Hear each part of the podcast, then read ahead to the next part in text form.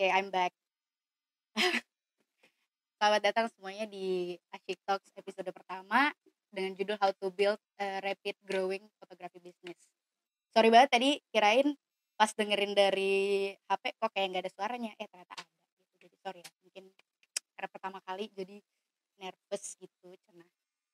Nah, mungkin buat uh, pertama uh, biar nggak kaku-kaku amat, uh, kayak biar nggak serius-serius amat juga mungkin gue mau nyanyi dulu aja ya. Ini ada yang komen uh, minta gue nge-rap tapi aduh sorry banget itu kemarin juga nge-rapnya harus baca lirik dan itu sebenarnya aslinya di pause-pause gitu guys. Jadi jangan tertipu karena itu sebenarnya apa namanya itu hanyalah banyakkan editan begitu. Jadi sekarang gue mau nyanyi dulu uh, lagu lagunya satu aja sih karena kayak biar kita cepet-cepetan cepet-cepet ngobrol hari ini. Karena hari ini topiknya lumayan seru. Oke sebentar.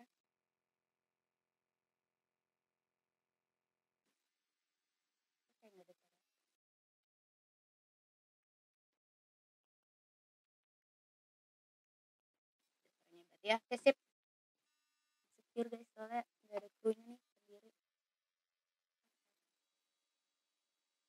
lagunya pasti pada tahu sih sering denger di um, radio gitu pasti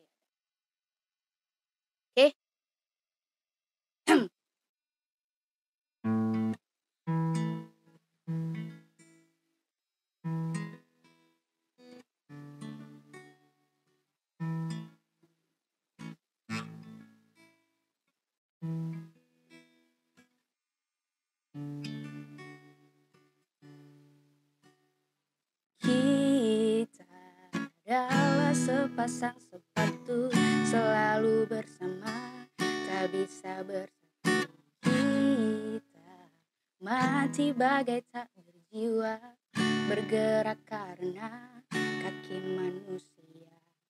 Aku sang sepatu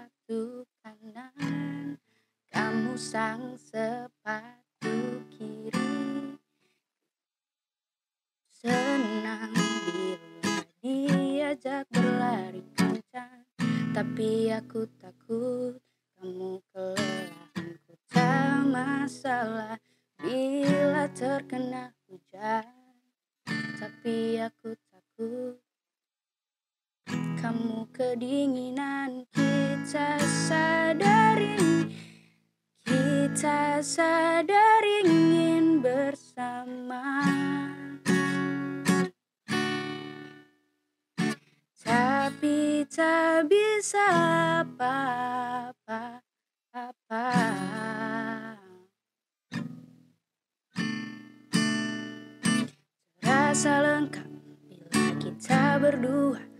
Terasa sedih bila kita dirak berbeda. Di dekatmu kau terbagai nirwana. Tapi saling sentuh pun kita tak berdaya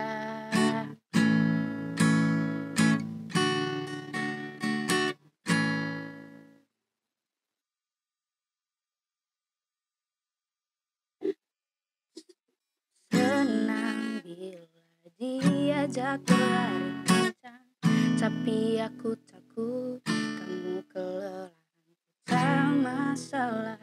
Bila terkena hujan. Tapi aku takut kamu kedinginan. Kita sadar ingin bersama.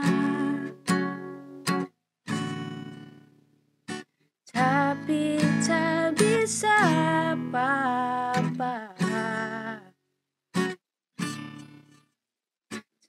Terasa lengkap bila kita berdua Terasa sedih bila kita dirak berbeda.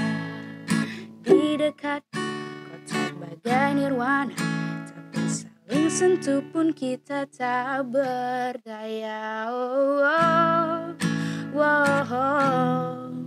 Yeah,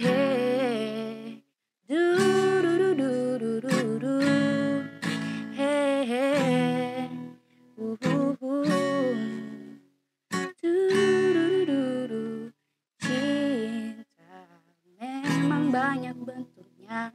Mungkin tak semua bisa bersatu.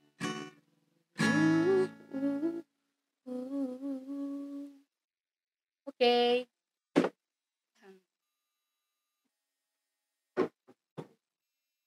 Jadi ya tadi performance dari saya sebagai pembuka dari acara hari ini. Nah, ini kayak kita benerin dulu biar suara makin kencang karena ada yang komen katanya di IG suaranya kecil. Mungkin yang di IG volumenya bisa digedein aja ya atau bisa nonton di YouTube. Oke. Oke. Oke, Assalamualaikum warahmatullahi wabarakatuh. Selamat sore teman-teman semuanya. Selamat datang di sekali lagi saya ucapkan terima kasih sudah menyempatkan hadir di Asyik Talks episode pertama dengan tema how to how to build a rapid growing uh, photography business. Jadi uh, ini sorry ya agak-agak agak-agak nervous sebenarnya karena kayak narsis banget nih orang bikin-bikin podcast cuman kayak ya buat iseng aja. Nah jadi berawal dari hari ini uh, kayak iseng nanya di second account gitu kan. Kayak gimana kalau misalnya bikin apa bikin uh, sharing session gitu tentang gimana ceritanya tentang building Ashifa fotografi gitu Nah, uh, semuanya terjadi dengan secara impulsif sih. Uh, di apa Asyik hari ini juga kayak ya udah tapi orangnya anti wacana jadi kayak ya udah yang penting ada. Terus kayak bodo amat siapa aja yang nonton karena ada mungkin kalau orang nonton live juga belum tentu bisa nonton live kan karena hari Minggu mungkin ada banyak agenda lain. Uh, mungkin nanti bisa pada nonton siaran ulangnya aja. Cuman kemarin uh, dari teman-teman juga ada yang udah nitip pertanyaan uh, jadi nanti di akhir di akhir sesi bakal ada kayak sesi tanya jawab. Mungkin uh, nanti kalau ada yang mau nanya boleh langsung komen aja di IG gitu. Oke mungkin teman-teman yang udah hadir menyempatkan nonton terima kasih sekali lagi. Nanti um, ngomen aja ya di di di live ya karena kayak karena takut aja. Bukan takut sih takut gak rame gak biasa aja. Karena uh, ya biar biar nggak kaku aja jadi sebenarnya nanti di Asyik Talks berikutnya kita bakal banyak ngundang orang-orang keren tentunya. Jadi uh,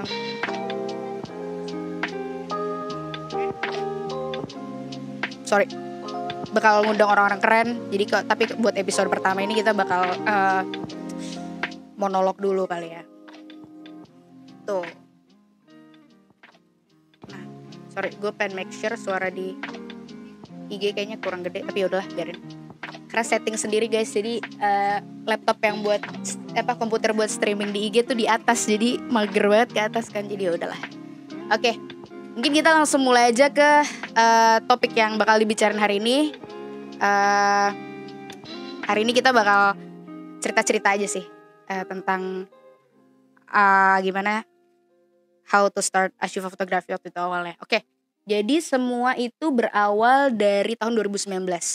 Ketika itu gue lagi TA, lagi TA uh, eh, bulan Juli exactly. Jadi waktu semester 8 itu, wah ada yang komen. Jadi waktu semester 8 tuh gue lagi uh, buat buat yang tahu mungkin pada tahu ya uh, di semester 7 tuh gue sempat depresi berat. Uh, mungkin teman-teman MRI, ITB udah pada tahu gimana journey-nya waktu itu, betapa nyebelinnya gue saat itu. Karena ya tiap hari ada aja yang ditangisin, gak mau kuliah dan segala macam. Terus pada akhirnya uh, singkat cerita masuk semester 8 uh, eh, udah gak ada kuliah kalau di MRI. Jadi cuman TA doang, which is 5 SKS dan jadi keseharian gue lumayan gabut. Waktu itu gue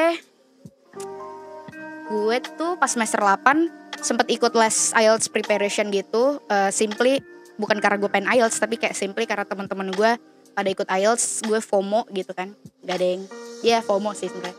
Kayak biar apa nyari alasan aja biar sering ke Bandung biar TA-nya tidak terbengkalai gitu biar ada teman aja lah intinya. Terus uh, mulai dari bulan Mei itu uh, gue ngerasa udah semakin semangat.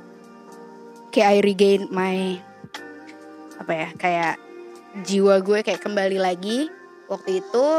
Jadi uh, apa ya kayak kembali menemukan alasan untuk hidup dan segala macam. Jadi kayak waktu gue depresi tuh kayak gue banyak melepaskan hal-hal yang gue suka. Kayak uh, gue suka motret gue hampir nggak pernah megang kamera dan segala macam. Even waktu itu gue bulan Februari 2019 itu diajak liburan ke Eropa sama abang gue berdua doang itu itu gue kayak baru sampai Amsterdam itu udah kayak ngomong ke abang gue kayak mau pulang huhu gitu. Pokoknya intinya kayak gue berada di mental state yang bener-bener down waktu itu. Hingga waktu pas gue di Eropa Timur itu gue uh, mungkin teman-teman tahu gimana gue sukanya terhadap fotografi dan videografi tapi di Eropa Timur itu yang notabene banyak banget objek fotonya tapi gue dikit banget ngambil video. Kayak foto sih ada uh, lumayan lah tapi video gue hampir nggak pernah. Padahal gue tuh biasanya kalau lagi jalan-jalan yang paling repot sendiri. Karena biasanya gue kayak repot. Bahkan kayak kamera analog biasanya segala gue bawa gitu. Entah GoPro lah entah apa. Nah tapi ketika lagi depresi emang semuanya berbeda gitu. Nah uh, singkat cerita kira di bulan Juli kalau nggak salah waktu itu ada wisuda Juli ITB 2019 uh, temen gue wisuda waktu itu Avia Lubis wisuda terus kayak ya udah gue menawarkan diri eh lu mau nggak uh, gue fotoin pas wisuda? Ya istilahnya jadi elo foto gitu. Terus uh, ya udah gue fotoin dia wisuda uh, ya gue merasa kayak kembali motret dengan keinginan dari sendiri tuh kayak it feels good aja sih waktu itu. Dan waktu itu juga sempat uh, akhirnya gue mulai memberanikan diri untuk uh, mengepakkan sayap untuk ngambil-ngambil job berbayar. Jadi kayak uh, waktu itu ada teman SMA gue Sheila uh, dia juga lagi ngerjain TA uh, dia kalau nggak salah jurusannya kria jadi dia bikin baju gitu bikin brand baju. Terus intinya dia butuh foto kan terus ya udah gue fotoin uh, berbayar waktu itu. Tapi kayak gue juga nggak bisa menetapkan harga yang uh, mahal-mahal banget karena gue juga nggak tahu uh, skills gue belum uh, ya gue tahu diri lah kalau skills gue belum sebagus itu apalagi foto produk gitu kan tapi uh, ya gue bayar dengan harga teman lah bisa dibilang. Terus tapi gue gue pribadi suka dengan hasilnya dan Sheila juga suka. Dan itu kayak dari situ gue kayak mulai uh, muncul kepercayaan diri lagi buat kayak ngambil job berbayar freelance foto atau video yang berbayar. Nah akhirnya uh, gue join join vendor-vendor orang gitu. Gue lupa uh, I think kayak bulan Juli tuh unofficially gue udah bikin AP tapi kayak gue nggak punya freelancer lain jadi kayak cuman gue doang yang jadi freelancersnya. Terus ya udah gue uh, ngambil-ngambil job-job wisuda dari teman-teman gue terus uh, dari vendor orang terus wedding juga sempat waktu itu dari wedding kakaknya temen gue. Terus dari situ kayak uh, gue banyak kenalan sama beberapa orang yang punya vendor. Terus kayak gue muncul uh, ketertarikan kayak kayak menarik nih bikin vendor gitu kan kayak karena model bisnisnya tuh oke okay banget kayak gue punya freelancer uh, dia yang kerja dia yang moto dia yang turun tangan ya gue editing dan gue melakukan uh, proses marketing gitu lah ya.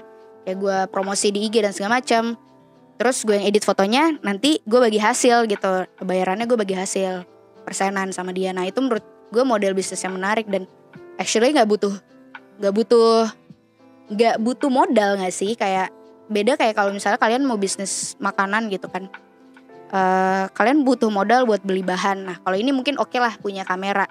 Kan uh, let's say it's given kameranya udah dibeliin sama orang tua. Nah ya udah. Berarti uh, untuk mencari freelancer gue juga kayak gue nggak perlu mengeluarkan gaji ke mereka.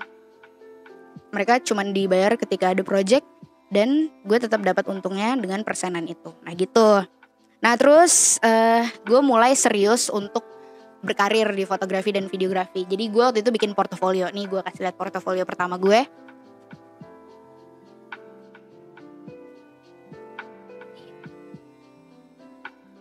Ini portofolio gue yang pertama uh, Ashifa Fotografi.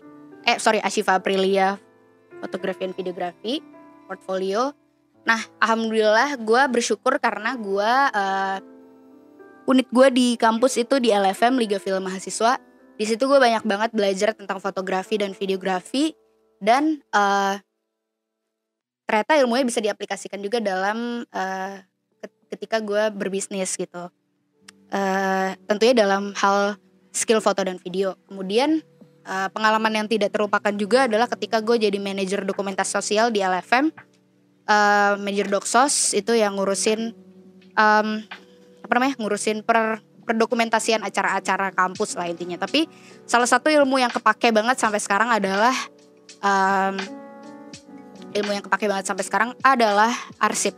Jadi gue uh, belajar arsip dari LFM dari Doksos LFM lebih tepatnya Uh, jadi kalau kalian ngeliat komputer gue itu semua folder, uh, even kayak mau folder kerjaan, folder pelajaran kuliah atau kelas-kelas gitu, semua gue tanggalin. Jadi gue belajar dari LFM kalau ternyata arsip tuh punya nilai yang uh, sepanjang waktu gitu. Kayak ibaratnya 10 tahun lagi lo nggak tahu foto itu bermakna apa sama lo gitu. Nah dan gue selama hampir 2 tahun menjalani Ashifa fotografi gue sangat merasa bermanfaat sih uh, dengan belajar mengarsipkan karya dengan baik. Karena ketika misalnya ada orang minta portofolio dong misalnya company profile. Oh ada tuh di tahun 2020 gue pernah.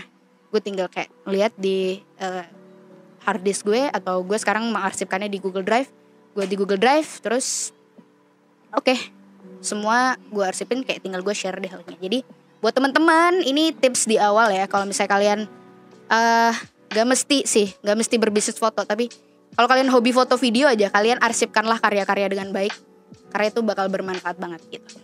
Nah oke, okay.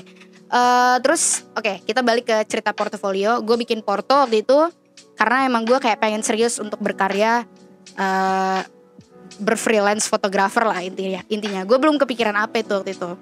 Terus ini intinya gue kayak masukin semua karya-karya gue ketika di LFM, Doxos, segala macam. Ini kalian bisa buka di bit.ly Porto Ashifa kalau nggak salah deh. Nanti gue kasih lihat. Dan ini ada foto-foto gue jalan-jalan, film-film yang gue bikin sama LFM. Ini ada guilty pleasure ya kan.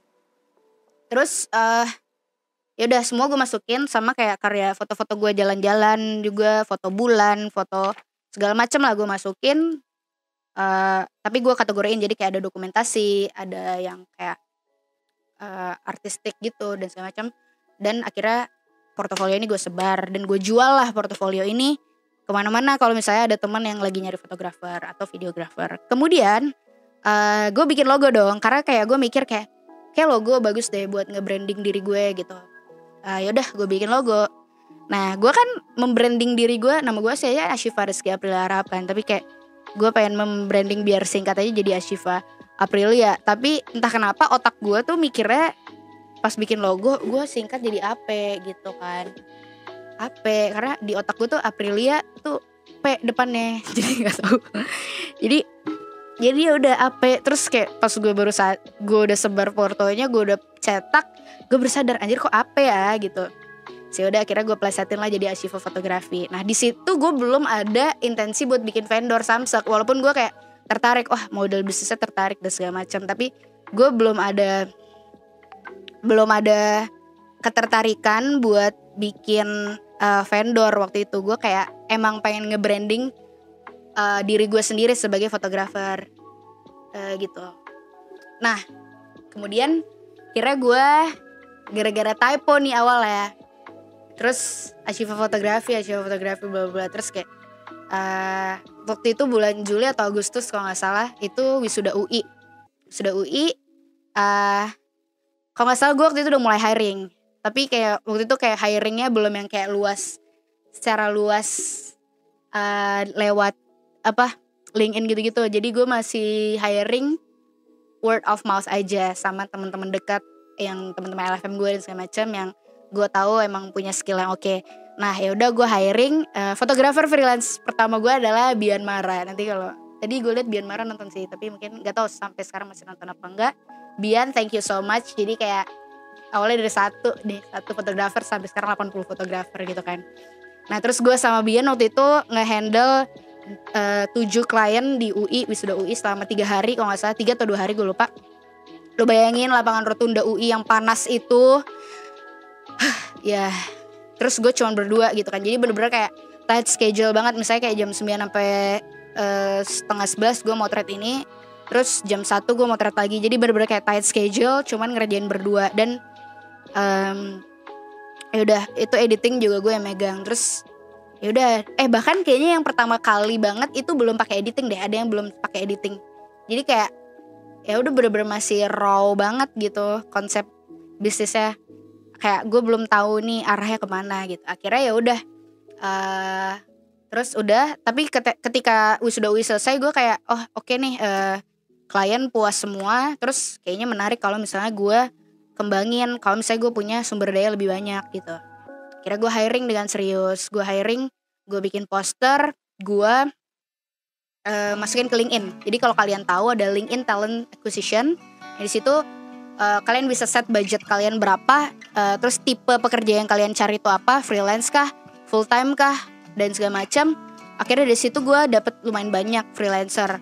Hmm, I, I forgot how much kalau nggak salah sih 30-an lah waktu itu. Yang daftar sih banyak banget yang daftar banyak banget tapi kayak gue pilih-pilih karena uh, anyway gue ngerjain sendiri dan waktu itu belum pandemi jadi gue wawancara banyakan langsung gitu.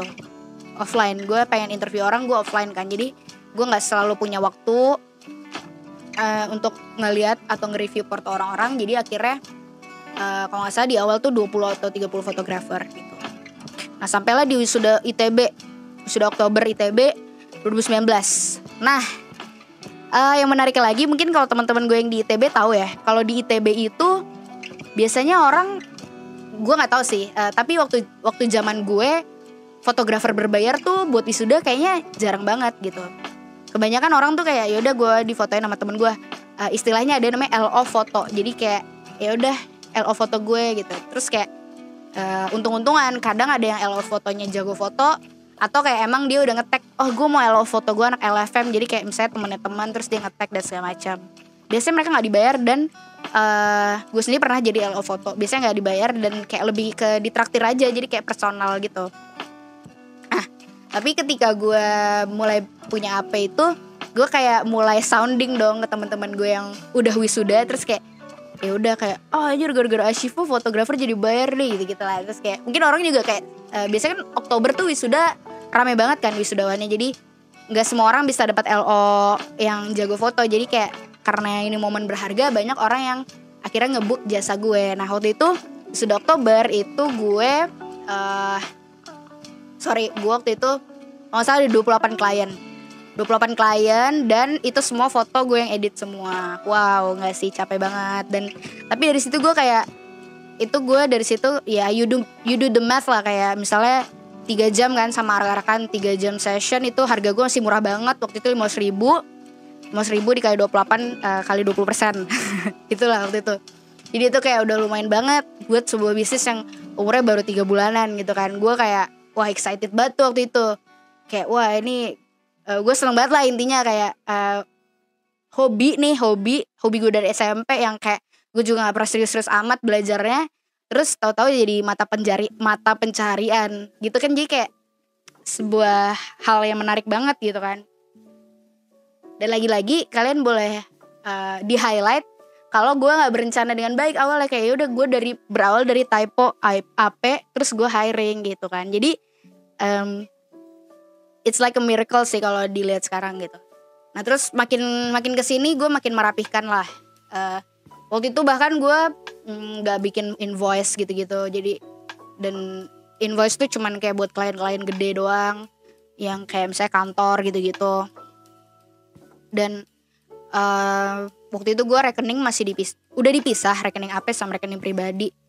Uh, ada BCA sama BNI Genius jadi kayak banyak banget kan. Waktu itu kayak sempet ribet banget nih banyak rekening. Terus kayak susah uh, ngurus budgetnya dan segala macam. Dan ketika di awal tuh gue sempet kayak miss ya namanya gue juga bukan orang bisnis ya cuman ya gue bersyukur sih gue dari jurusan MRI di MRI gue bela belajar banyak uh, tentang dasar-dasar manajemen mungkin kayak product development dan segala macam mungkin kayak I got the sense tapi ketika execution execution ya tetap aja kayak gue bukan praktisi gitu. Nah terus uh, di awal tuh gue sempat kayak mungkin over excited jadi kayak gue sempat miskalkulasi uh, banyak hal tentang marketing jadi gue kayaknya cukup banyak mengeluarkan budget untuk marketing uh, saat itu. Uh, waktu itu dengan cara apa? Yaitu dengan cara gue uh, ngasih sponsor. Gue ngasih sponsor ke beberapa acara-acara uh, yang lumayan gede di ITB kayak fresh money-nya mungkin gue nggak ngasih banyak tapi kayak gue provide jasa dokumentasi dan segala macem. Tapi ternyata ternyata yang gue rasa waktu itu uh, gue keluar duit terlalu banyak uh, untuk sebuah vendor kecil gitu. Dengan revenue yang segitu gitu. Jadi ya hmm, itu adalah salah satu kesalahan gue sih sebenarnya waktu itu. Nah tapi alhamdulillah uh, masih ada orang tua waktu itu masih ada bokap gue bokap gue juga kayak masih uh, banyak membantu juga urusan budget dan alhamdulillah uh, semua bisa ditangani dengan baik. Nah tapi tapi tapi walaupun waktu itu gue ngerasa kayak aduh bego banget sih gue kayak nggak bisa nolong orang banget gitu. Tapi ternyata uh, pas uh, beberapa bulan setelahnya gue baru merasakan benefitsnya gitu.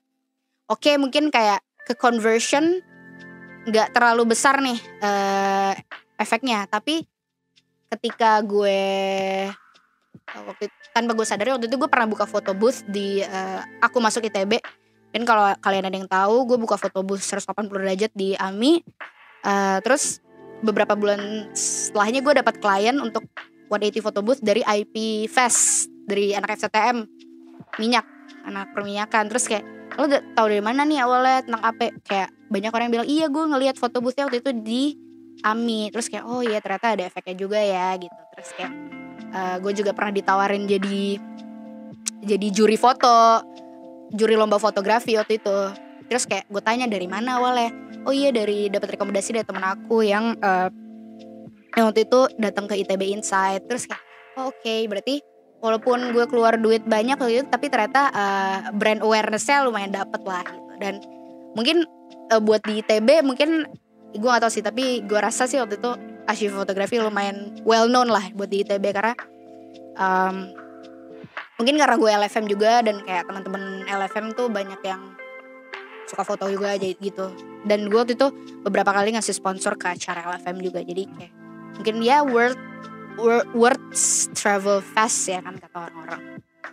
Nah seiring dengan berjalan waktu gue mulai merapihkan lagi nih tentang si bisnis archive fotografi ini.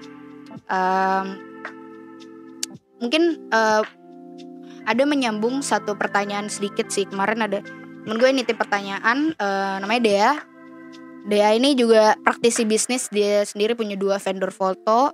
Dan juga dia punya usaha untuk rent kamera gitu.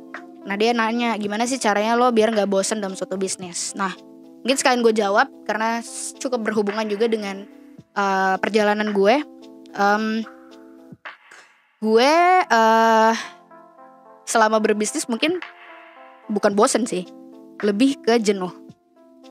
Sempat ada kejenuhan uh, dan itu kayak di tahun 2000, 2000 2020 awal lah kayak uh, mungkin karena di trigger dari tugas akhir juga gue lagi stres TA um, kayak gue merasa nggak bisa ngehandle apa dengan baik gitu kan karena sambil TA juga terus kayak ya udah muncul aja pikiran-pikiran jahat akhirnya gue jenuh juga dengan apa kayak lalu gue nggak tahu ah gak bener banget nih gue bisnis dan sama macam dan kayak gue kayak merecall memori-memori buruk misalnya kayak momen-momen ketika ada klien yang kecewa momen-momen ketika dia pokoknya masalah-masalah gitu uh, di AP terus gue jadi kayak mikir ah ya udahlah gue nggak usah bisnis lagi aja kayak ya udah gue atau kayak ya intinya gue mikir ke mana-mana dan kayak pengen berhenti aja bisnisnya.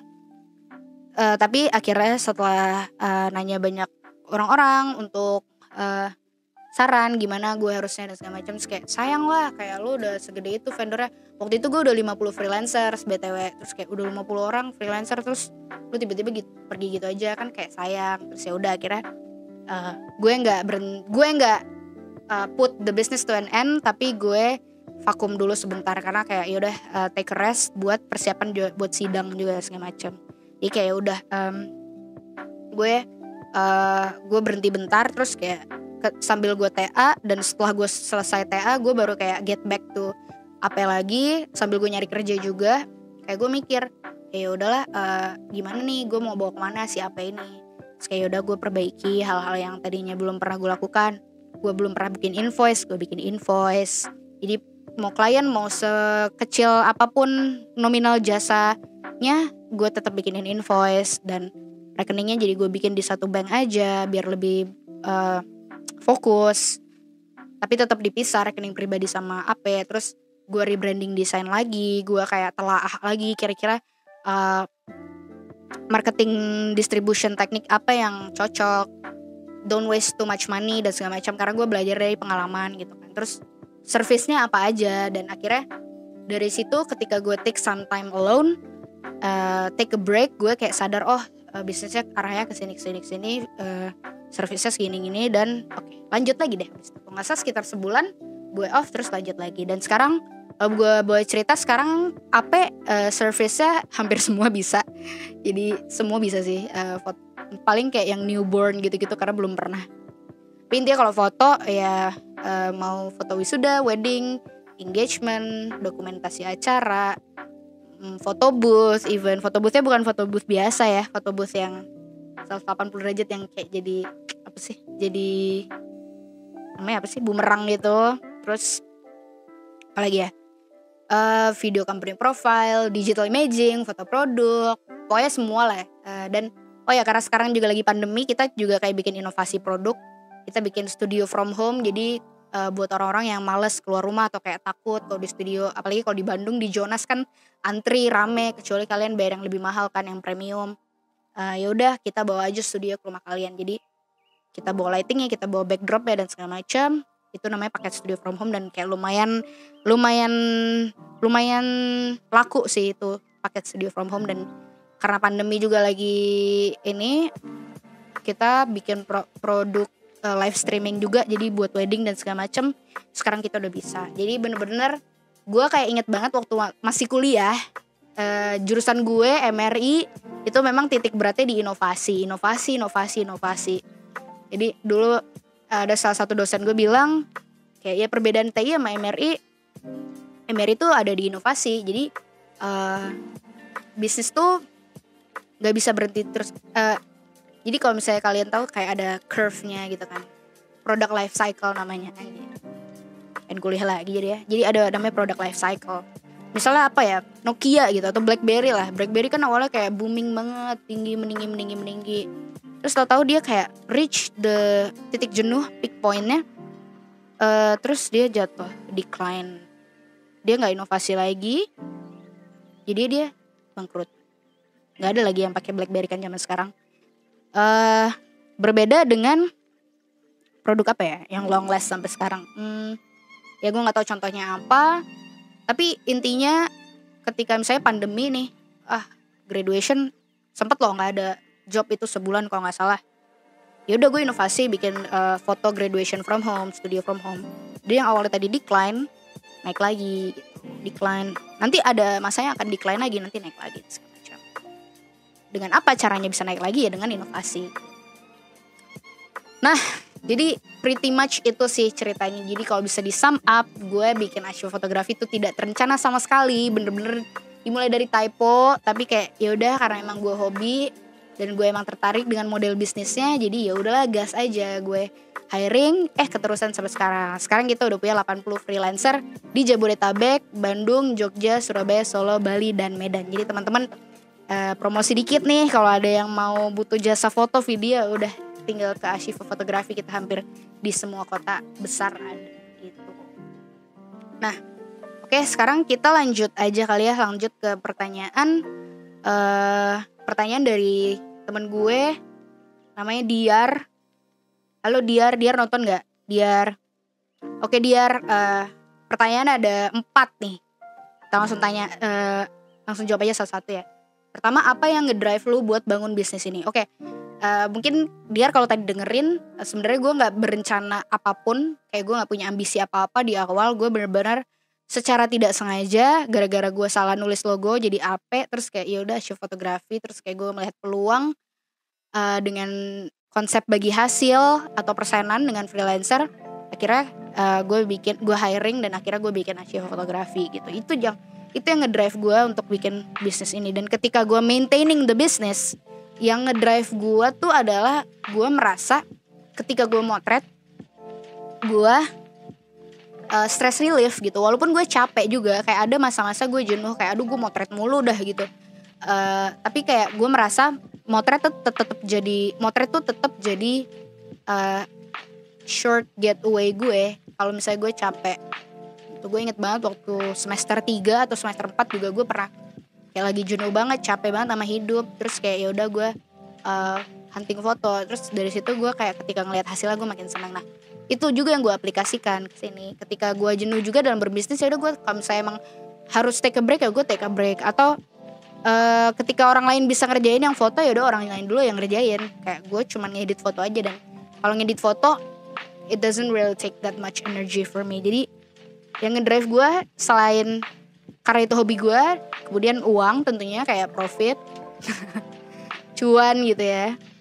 Dan um, mungkin kalau ada yang nonton uh, video di IGTV gue juga ada kayak tentang gue waktu itu latihan pitching itu acara dari LIPSP ITB terus gue uh, di situ gue bikin konsep tentang asyik fotografi ke depannya bakal kayak gimana nah uh, sebenarnya arahnya kita pengen ke sana nantinya. Nantinya kita pengen kayak ngembangin kalian kalau tahu kan uh, zaman dulu mungkin kita kalau misalnya keluar dari wisuda gedung wisuda gitu ada aja kan orang fotografer jalanan yang kayak motoin lo dan kayak dia udah ngeprint fotonya terus uh, menjual foto itu. Ada juga pas lagi misalnya lo lagi ke Bali lah di Bali terus ada yang motoin lo atau kayak ada yang nawarin lo moto ada yang nawarin untuk fotoin lo dan kayak langsung jadi hasilnya dan dibayar dengan harga yang sangat murah kayak paling 20 ribu gitu. Nah gue tuh pengen ke depannya nanti kita bisa mengembangkan sumber daya gitu. Karena mereka sebenarnya mereka sebenarnya skill pasti ada dong. Nggak mungkin mereka nggak punya skill kan. Karena mereka they've been in their their business for such a long time gitu. And they're declining sekarang kan dengan mudahnya akses orang terhadap kamera dan orang udah punya smartphone sekarang kadang orang nggak butuh lagi foto difotoin pakai kamera gitu. Kecuali buat uh, occasion tertentu. Tapi buat jalan-jalan menurut gue HP udah cukup gitu nah jadi bisnis mereka tuh declining dan in the future gue pengen gue bisa menolong orang-orang itu. Gue pengen educate mereka. Gue pengen mereka terpapar tentang referensi-referensi uh, referensi dari fotografi. Nah gue pengen ngebantu aja sih sebenarnya di ke depannya gue pengen mengembangkan mereka dan agar mereka bisa kayak dapat referensi lebih banyak foto yang disukain sama pasar sekarang tuh apa gitu. Cuman it's it's a long run gitu. Di, jadi ya itu it's a planning tapi mungkin karena gue sekarang sambil kerja juga jadi gak bisa terlalu fokus ke sana. Jadi buat sekarang karena masih pandemi juga ya udah uh, jalanin yang ada dulu.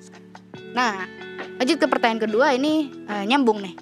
Gimana caranya lo lagi handle bisnis pada lo sendiri lagi kerja? Nah, oke. Okay gue sekarang kerja di suatu perusahaan yang um, gue pribadi tidak tidak pernah merasa burn out dalam kerjaan. Kayak oke okay, sibuk iya kadang kadang-kadang. Tapi gue tetap merasa gue bisa ngebalancein antara pekerjaan gue kehidupan pribadi gue dan bisnis gue um, gue juga di AP nggak sendiri gue ada dibantu sama temen gue Harits kalau misalnya ketik Harits juga sekarang lagi kerja. Nah jadi kalau misalnya gue merasa gue lagi sibuk banget gue minta tolong sama Harits untuk kerjaan yang sekiranya bisa dia bantu handle. Cuman memang porsi kerjaan untuk sekarang masih lebih banyak gue yang handle karena dilihat-lihat Harits juga makin sibuk kerjaannya di kantor dia yang sekarang.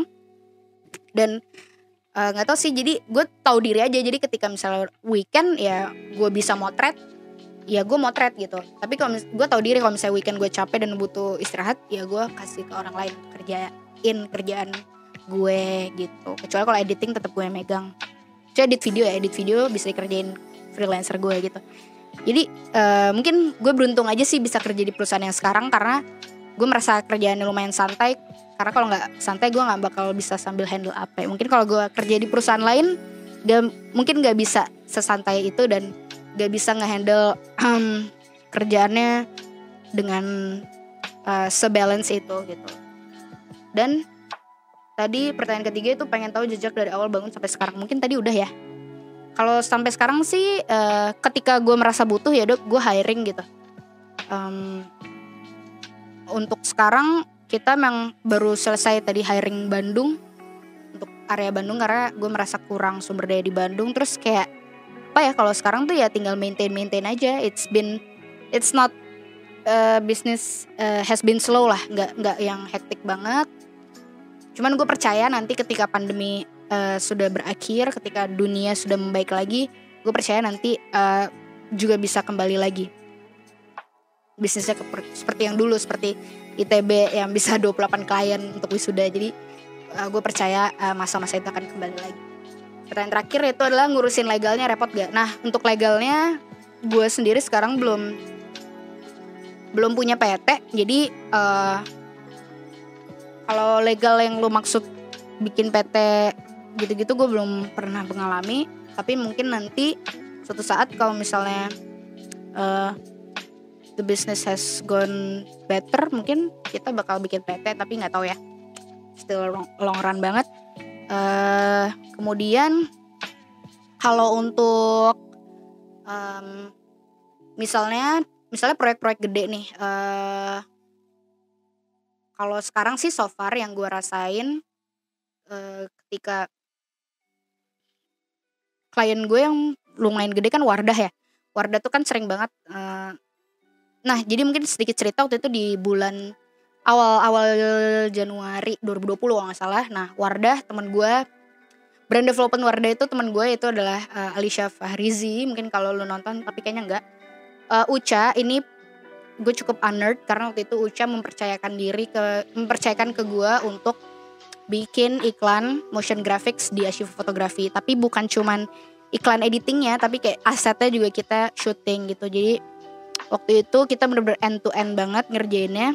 Dan uh, itu such an honor for me karena uh, it's Wardah man siapa yang nggak tahu Wardah dan uh, it's a big it's a kind of a big money gitu. Nah waktu itu gue sempat khawatir ca gimana? Kan gue belum punya PT ntar kayak gimana dan segala macam. Nah tapi ternyata aman aja kalau misalnya kalian punya bisnis fotografi dan ada klien gede yang mau nge-hire kalian biasanya sih aman ya.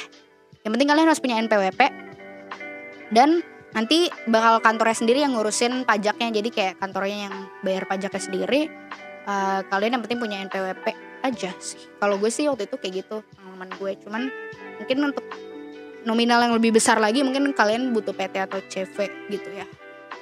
Gitu. Nah kemudian ke pertanyaan selanjutnya. Waktu itu dari Ibu Rina. Gue scroll dulu. Mana sih? Tapi intinya gue inget sih pertanyaannya. Pertanyaan awalnya dia. Modal apa yang harus pertama kali dimiliki untuk pemula bisnis fotografi? Nah oke. Okay. untuk pemula bisnis fotografi uh, tentunya modalnya pertama kamera. Nah, cuman kamera mungkin kalau kalian belum mampu untuk beli kamera yang uh, yang intermediate gitu ya, yang uh, hasilnya bagus gitu, uh, mungkin kalian bisa sewa gitu. Nah, untuk sewa sendiri uh, banyak tempat penyewaan di Jakarta atau di Bandung di mana aja pasti ada tempat penyewaan dan itu tidak terlalu mahal tergantung kebutuhannya kalian butuhnya kamera apa gitu nanti kalau sebelum nyewa kalian harus make sure uh, jangan over apa jangan over spek banget tergila-gila dengan spek tapi sebenarnya nggak butuh-butuh banget gitu. Nah kalau kalian punya kamera God bless you. Alhamdulillah berarti kalian harus memanfaatkan benda tersebut. Kalian harus belajar dengan baik. Nah kalau gue pribadi uh, sampai sekarang gue masih sering ikut course-course online untuk belajar foto. Gue cari referensi juga.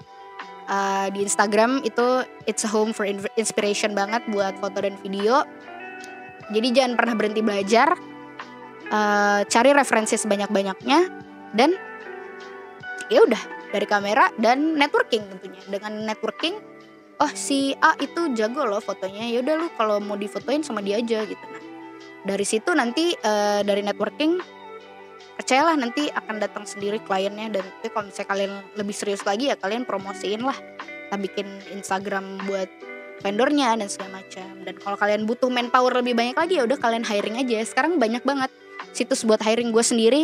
Untuk yang pertama kali gue hiring di LinkedIn yang kedua kedua kali gue pakai IG Ads uh, Facebook Ads. Dan itu lumayan efektif karena orang-orang kreatif tuh biasanya ada di IG gitu. Jadi um, ter, uh, sesuai kebutuhan aja. Gitu. Jadi jadi kalau bisa di sum up modalnya pertama gear tetap tapi kayak it's not gear tuh bukan yang apa ya bukan yang ya gear tuh pas harus ada tapi mandatory tapi bukan berarti kalau lo nggak punya gear lo nggak bisa dapet job gitu. Karena nggak uh, bisa menghasilkan uang dari fotografi. Karena uh, di AP sendiri waktu itu sempat banyak kok yang belum punya kamera jadi ya udah kita saling pinjem pinjeman um, gitu deh. Atau dia nyawa jadi sangat possible. Jadi kedua uh, pertama gear, kedua skill. Jadi skill itu bisa didapatkan dengan apa? Dengan pengalaman, dengan banyak belajar, dengan mencari referensi, dan segala macam gitu oke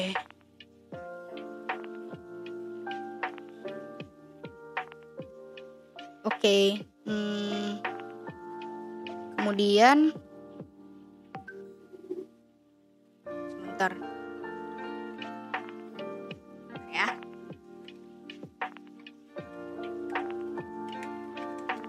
oke kemudian lanjut itu ke pertanyaan selanjutnya dari Riana.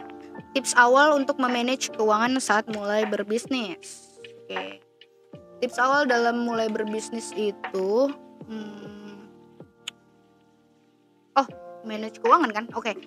Nah mungkin gue cerita lebih detail ya. Pas di awal tuh gue uh, tidak gue tetap memanage keuangan dengan baik sih. Kayak gue punya Excelnya tapi gue kayak do it manually gitu loh. Jadi karena gue nggak punya invoice dan segala macem kadang kayak gue ribet nge-scroll nge-scroll um, apa sih bukti transfer dan segala macam gitu. Nah tapi gue ada gue record di uh, Excel gue dan kadang gue kayak males ngerekap jadi di akhir bulan gue cek dari mutasi rekening.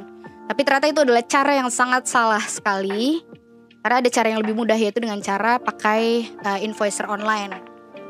Saat ini gue pakai paper paper.id paper ya kertas paper.id dan itu uh, sangat bermanfaat. Kalian bisa bikin invoice kalian sendiri, kalian bisa tambahin logo kalian di situ. Kemudian dan di situ mereka nge-record uh, incoming payment kalian berapa. Nanti ada dashboardnya pendapatan lo berapa per bulannya. Jadi itu sangat bermanfaat. Jadi gue nggak nggak pernah megang Excel lagi kalau buat keuangan sekarang. Jadi gue semua pakai paper. Gitu. Sepertinya lagi ya? Kayaknya uh, ada yang mau nanya lagi nggak ya? Gue baru buka lagi nih live ya. Ada yang nanya nggak guys? uh, waktunya masih ada sih. Uh, sekitar 10 menitan lagi. Kalau mau ada yang mau tanya boleh. Uh, mungkin gue cerita cerita dikit kali ya. Oh gue cerita salah satu pengalaman buruk aja kali ya. Nah jadi uh, kalian juga harus berhati-hati kalau misalnya nanti kalian berbisnis fotografi uh, harus milih klien juga gitu. Milih klien tuh maksudnya apa? Uh, pilihlah klien yang kira-kira bisa membayar kalian sampai project itu benar-benar selesai dan pilihlah pekerjaan yang memang benar-benar bisa kalian kerjakan gitu. Nah jadi waktu itu suatu saat suatu saat suatu saat gue pernah mengambil job kayak bikin iklan gitu, tapi sebenarnya itu kayak kebutuhannya harusnya budgetnya mahal, tapi karena kliennya juga low budget, mereka pilih kita dan gue kayak soto aja lagi kayak berani-berani aja gitu. Ya akhirnya proyeknya selesai sih kayak dan kita mampu-mampu aja uh, menghasilkan deliverables yang mereka minta. Cuman ternyata pada akhirnya mereka tidak bisa membayar karena satu dan lain hal. Intinya karena mereka juga in a crisis ya kan itu in the beginning of pandemic jadi kalau nggak salah. Ya intinya uh, agak makan hati sih uh, kadang kalau misalnya uh, kalau kalian mengalami hal-hal kayak gitu kita sabar-sabar aja karena namanya juga pengalaman gitu. Nah kemudian uh, pernah juga pernah juga ketika momennya uh, pihak gue yang salah di apa yang salah itu ini nggak ya salah lah jadi waktu itu klien uh, ada klien nih wisuda terus um, di hari H tahu-tahu uh, fotografernya nggak bisa hadir gara-gara kamera rusak. Tapi salahnya fotografernya itu nggak nggak mengkomunikasikan dengan baik ke kliennya. Jadinya jadinya berabe tuh gue yang diteleponin gitu kan segala macam terus kayak marah. Ya ujung-ujungnya di refund cuman kan kayak nama baik nama nama baik lo jadi jelek gitu kan. Sampai sekarang gue belum dapet tuh klien wisuda universitas itu apa jangan-jangan dia kayak syiar kalau oh jangan pakai vendor ini gitu. Tapi nggak tahu kayaknya enggak sih. Itu kayak simply pengalaman buruk aja. And experience is the best teacher cenah ya kan? Terus apalagi ya? Hmm, apa lagi ya? Kayaknya semua udah gue ceritain deh. Uh, kalau dia mau cerit kalau ada yang mau nanya boleh nanya aja guys. Sambil menunggu tiga menit lagi sih sebenarnya. Tiga menit lagi. Uh, eh, okay. tapi kalau nggak ada ya udah gue cerita satu hal lagi deh. Uh, oke okay, sebagai kayak penutup aja kali ya. Sebagai wejangan aja. Jadi buat temen-temen uh, di sini mungkin teman-teman gue uh, kalau kalian mau bikin bisnis please banget jangan hesitate jangan kelamaan di planning karena kalian udah lihat sendiri hasilnya gue pribadi gue sendiri tidak memplanning dengan baik walaupun uh, dalam perjalanannya tidak mulus tidak selalu mulus tapi gue sempat berada di puncak yang lumayan ya gue bisa menilai itu berhasil. Dan kenapa gue bisa bilang rapid? Karena dalam tiga bulan waktu itu uh, gue mendapatkan penghasilan sekitar 50 jutaan untuk bisnis ber, menilai bernilai apa bisnis bermu, berumur tiga bulanan menurut gue tuh lumayan um, main oke okay lah. Karena waktu itu gue waktu itu juga gue energi lagi lagi banyak banget. Jadi kayak segala hal gue kerjain gitu. Ya ada blessingnya juga jadi kalian kalau mau bikin bisnis jangan kebanyakan mikir gitu. Kayak oke okay, kalian tetap harus mikirin uh, ya secara gampang aja lah. Pengeluaran kalian apa dan pemasukan kalian dari mana. Gak usah lah kalian mikir-mikir kayak bisnis model kanvasnya gimana. Kalau misalnya pas gue kuliah dulu ya bikin BMC dulu terus kayak bikin uh, forecasting dalam budgeting dan segalanya nggak usah. Karena ini juga kita ngomonginnya bisnis kecil gitu kan. Karena kan bisnis juga awalnya dari kecil juga. Jadi small business kayak nggak usah terlalu kebanyakan di planning langsung aja uh, langsung aja di nggak gue nggak bilang langsung eksekusi itu baik juga sih tapi pokoknya jangan terlalu banyak di perencanaan yang wasting time. Ketika kalian yakin kalau kalian udah siap ya udah langsung aja gas gitu. Nah dan ketika kalian berjalan dalam menjalani bisnisnya pasti pasti akan ada kesalahan uh, dan di situlah waktunya kalian untuk improve gitu. Karena kan kita juga uh, jadi manusia juga harus tetap uh, apa ya tetap berkembang lah terus-terusan.